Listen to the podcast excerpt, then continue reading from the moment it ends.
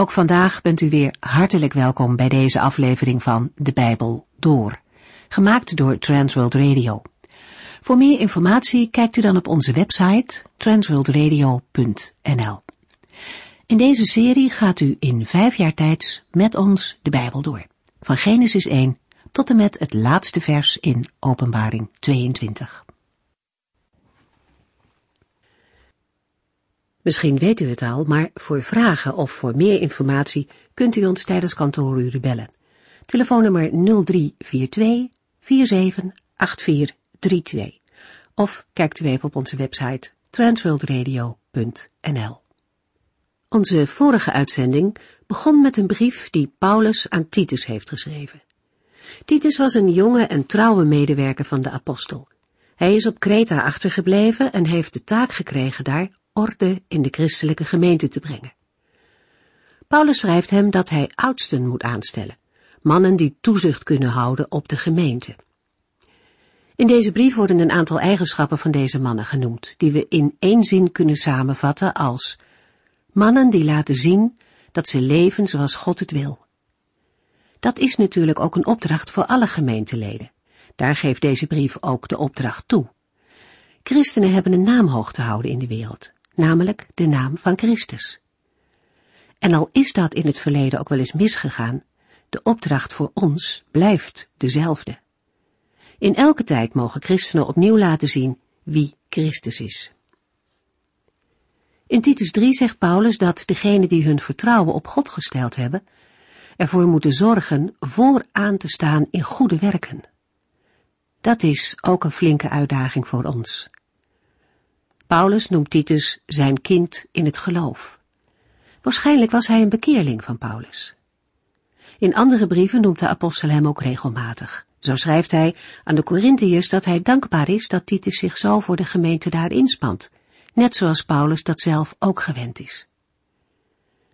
Titus was een trouwe medewerker die met ijver en toewijding zijn taak uitvoerde. Wij lezen uit de brief die Paulus aan hem schreef hoofdstuk 1, vers 1 tot en met 7.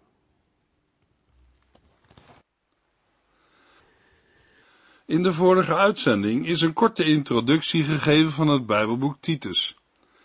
Het Bijbelboek is een brief van de apostel Paulus aan een van zijn eerste medewerkers, Titus. De apostel heeft hem op het eiland Kreta achtergelaten om er de christengemeenten te helpen en te versterken. Titus kreeg van Paulus de opdracht om in elke gemeente leiders aan te stellen en de gelovigen de kernpunten van het geloof te leren. De apostel vindt het belangrijk en nodig dat er nadruk gelegd wordt op de voorwaarden waaraan leiders in de gemeente moeten voldoen.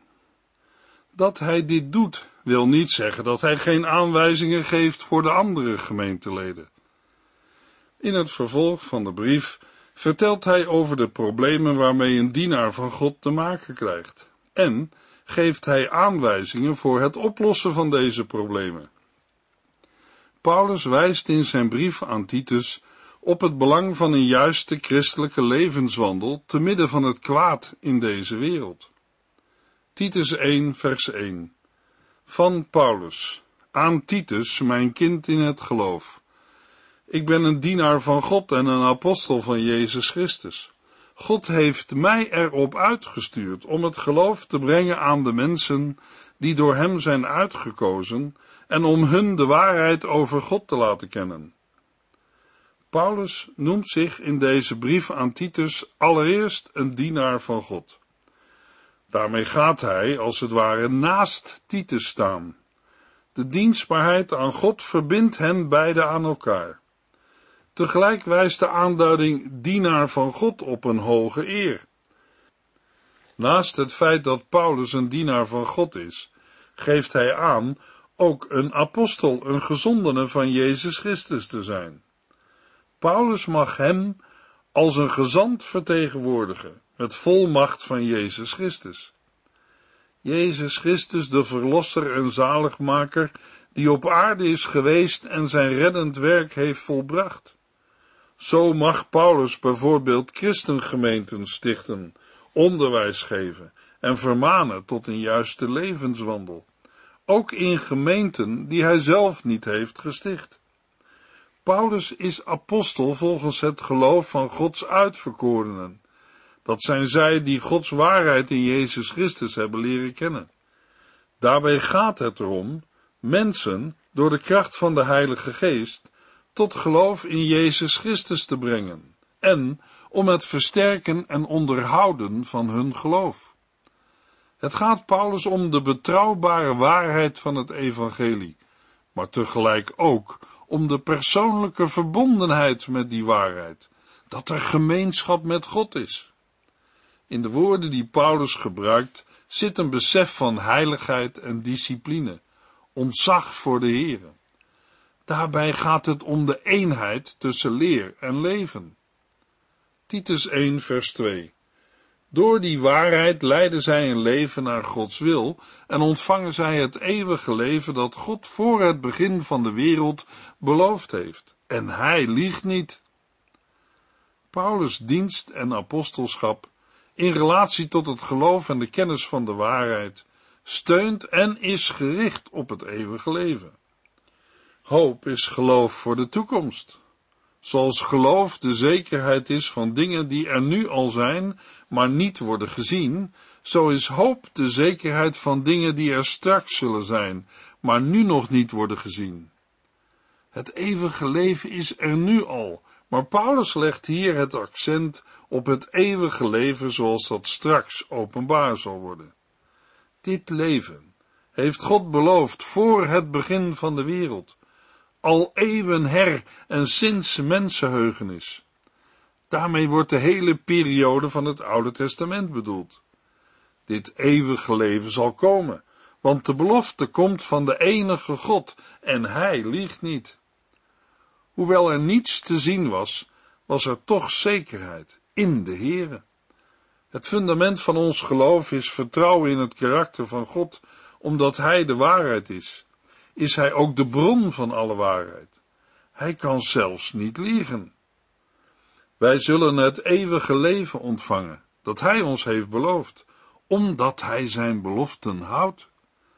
Daarmee worden ook wij aangemoedigd ons geloof te bouwen op het fundament van een betrouwbare God die nooit liegt. Titus 1 vers 3 Toen God vond dat de tijd ervoor gekomen was, heeft hij het goede nieuws bekendgemaakt en heeft hij, onze redder, mij opgedragen dit werk voor hem te doen. Vers 3 kan een moeilijkheid geven. Hij heeft het goede nieuws bekendgemaakt kan verbonden worden met het eeuwige leven of met het goede nieuws. Het probleem is niet zo groot, omdat er in ieder geval een tegenstelling wordt gemaakt tussen de belofte in vers 2 en het bekendmaken in vers 3. Waarschijnlijk staat eeuwig leven daarom op de een of andere manier parallel met het goede nieuws. En wie zou dan niet denken aan de Heer Jezus Christus? In Johannes 1, vers 14 lezen we over hem. Het woord werd een mens en leefde een tijd lang onder ons. Hij was vol genade en waarheid, en we hebben gezien hoe groot hij is, de enige zoon van de hemelse Vader. En de Heer Jezus zegt zelf in Johannes 17, vers 3, het eeuwige leven is dat zij u, de enige ware God, kennen, en degene die u naar de aarde hebt gestuurd, Jezus Christus. Paulus heeft nu het grote voorrecht dat het goede nieuws, dit woord, aan hem is toevertrouwd in de verkondiging. Hij mag leven in de tijd van de vervulling van Gods beloften en het goede nieuws van Jezus Christus verkondigen. Voor het woord bekendgemaakt staat in het Grieks een woord dat openbaring betekent. Het spreekt van het openbaar maken van dat wat daarvoor verborgen was, ter wille van de mensen. Toen God vond dat de tijd ervoor gekomen was, heeft Hij dit goede nieuws bekendgemaakt en heeft Hij, onze redder, mij opgedragen dit werk voor Hem te doen. De opdracht om dit te verkondigen kreeg Paulus van onze redder, God zelf, Jezus Christus. We worden eraan herinnerd als we in Handelingen 9 en Handelingen 26 lezen, waar gesproken wordt van de Heer Jezus, die aan Paulus verschijnt en hem opdraagt om getuige van hem te zijn, om mensen de ogen te openen. Daarmee wordt ook duidelijk dat onze redder Jezus Christus is. De Heer Jezus Christus heeft Paulus opgedragen dit werk voor hem te doen. Titus 1 vers 4 Ik wens je de genade en de vrede van God, de Vader, en van onze Heer Jezus Christus toe.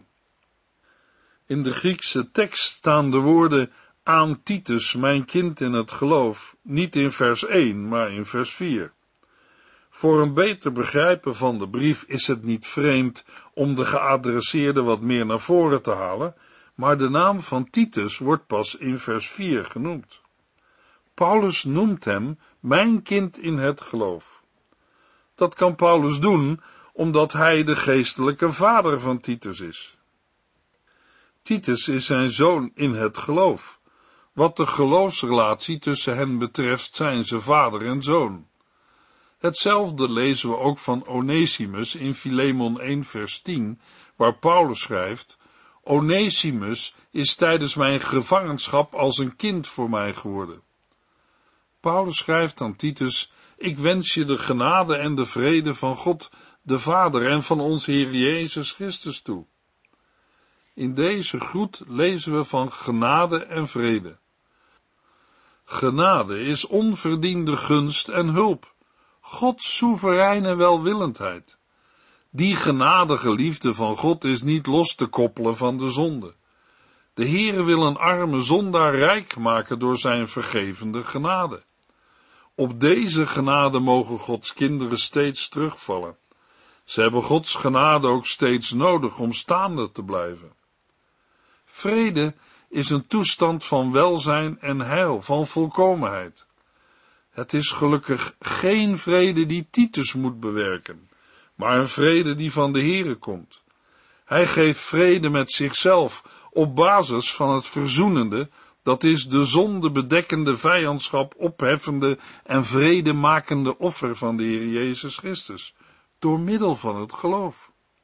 Vanuit deze vrede met God komt er vrede met mensen, en samen, de vrede met God en mensen, geven een christen rust.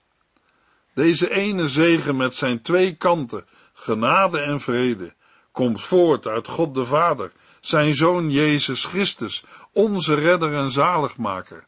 Hij heeft het heil en de zegen verworven, en de Heilige Geest. We lezen er meer over in Efeziërs 2, vers 13 tot en met 19. Maar nu u één met Christus bent, is er geen afstand meer tussen Gods volk en u.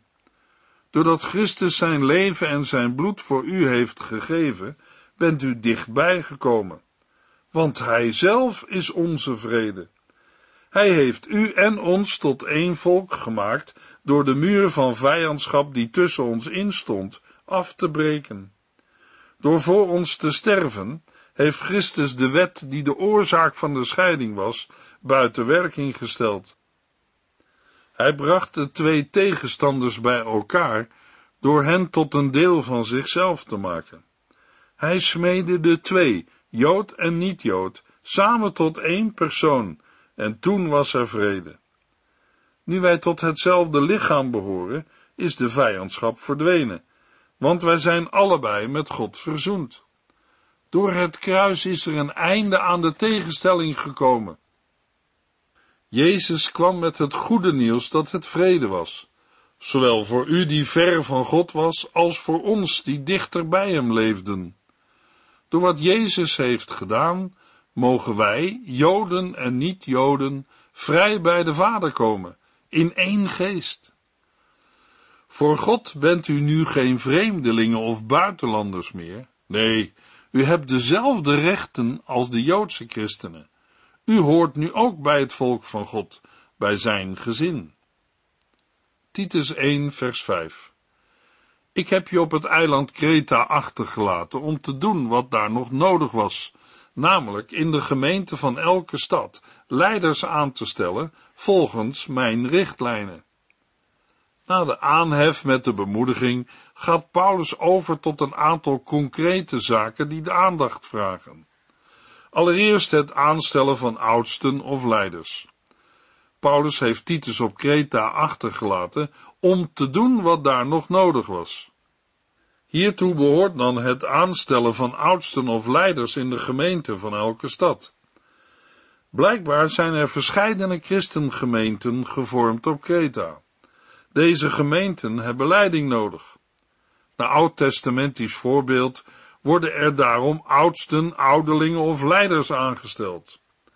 In 1 Timotheus 3 geeft Paulus een aantal aanwijzingen waaraan zulke leiders moeten voldoen. We lezen in 1 Timotheus 3 vers 2 tot en met 4. Wel, zo'n leider moet een goed man zijn en op zijn leven mag niets aan te merken zijn.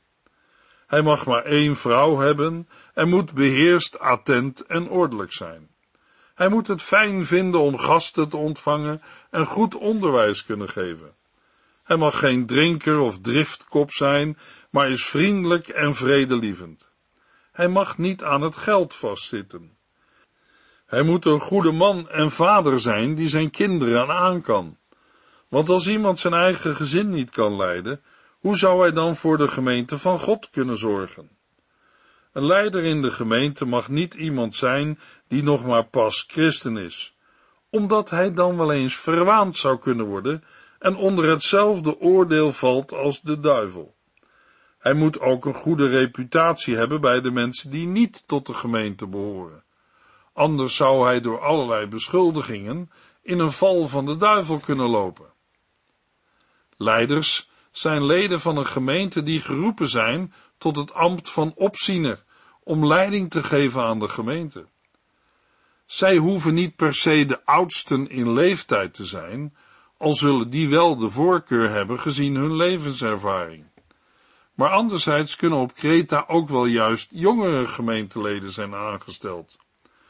Misschien hadden de ouderen met hun heidense achtergrond nog veel af te leren. Paulus heeft de opdracht tot het aanstellen van leiders in de gemeente al eerder gegeven aan Titus, maar in zijn brief benadrukt hij dit nu nog eens. Het is niet zomaar een plotselinge inval van Paulus. Met deze herhaling wordt het belang ervan onderstreept. De apostel vindt het belangrijk dat het samenleven in de christelijke gemeente goed is georganiseerd. Paulus schreef al aan de christengemeente in Korinthe, in 1 Korintiërs 14 vers 40, alles wat gedaan wordt in de gemeente van Christus, moet fatsoenlijk en ordelijk gaan. Niet alleen het aanstellen van leiders of oudsten op zichzelf is belangrijk, maar zeker ook de manier waarop. Titus 1 vers 6 Op de mannen die je uitkiest mag niets aan te merken zijn. Ze mogen slechts één vrouw hebben, hun kinderen moeten gelovig zijn en er mag niet van hen gezegd kunnen worden dat zij losbandig of ongehoorzaam zijn. Paulus wijst op de kenmerken van een goede leider. Hij moet aan bepaalde voorwaarden voldoen. We hebben er in 1 Timotheus 3 al een aantal gelezen. Al deze voorwaarden worden samengevat in de woorden: er mag niets op hem aan te merken zijn. In andere vertalingen lezen we woorden als onberispelijk en onstraffelijk, dat wil zeggen vrij van aanklacht of schuld. Leiders moeten een goede reputatie hebben te willen van de goede naam van de gemeente van Christus.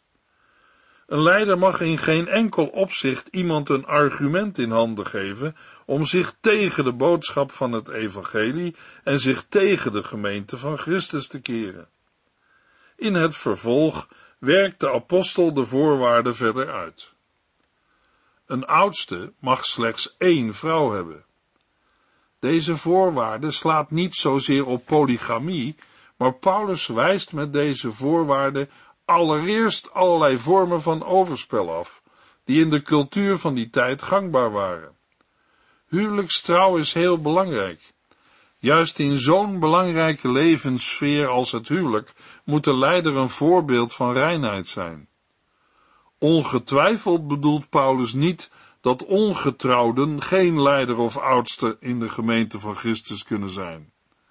Het gaat erom dat een leider of oudste niet meer dan één vrouw heeft. Uit de door Paulus gestelde voorwaarden is ook af te leiden dat alleen mannen aangesteld mogen worden tot leider of oudste in de gemeente van Christus. Daarmee worden de zusters niet gediscrimineerd, maar houdt de apostel de scheppingsorde van de Heer aan. In de uitzending over 1 Corinthiërs 11 zijn we uitvoerig op dit punt ingegaan.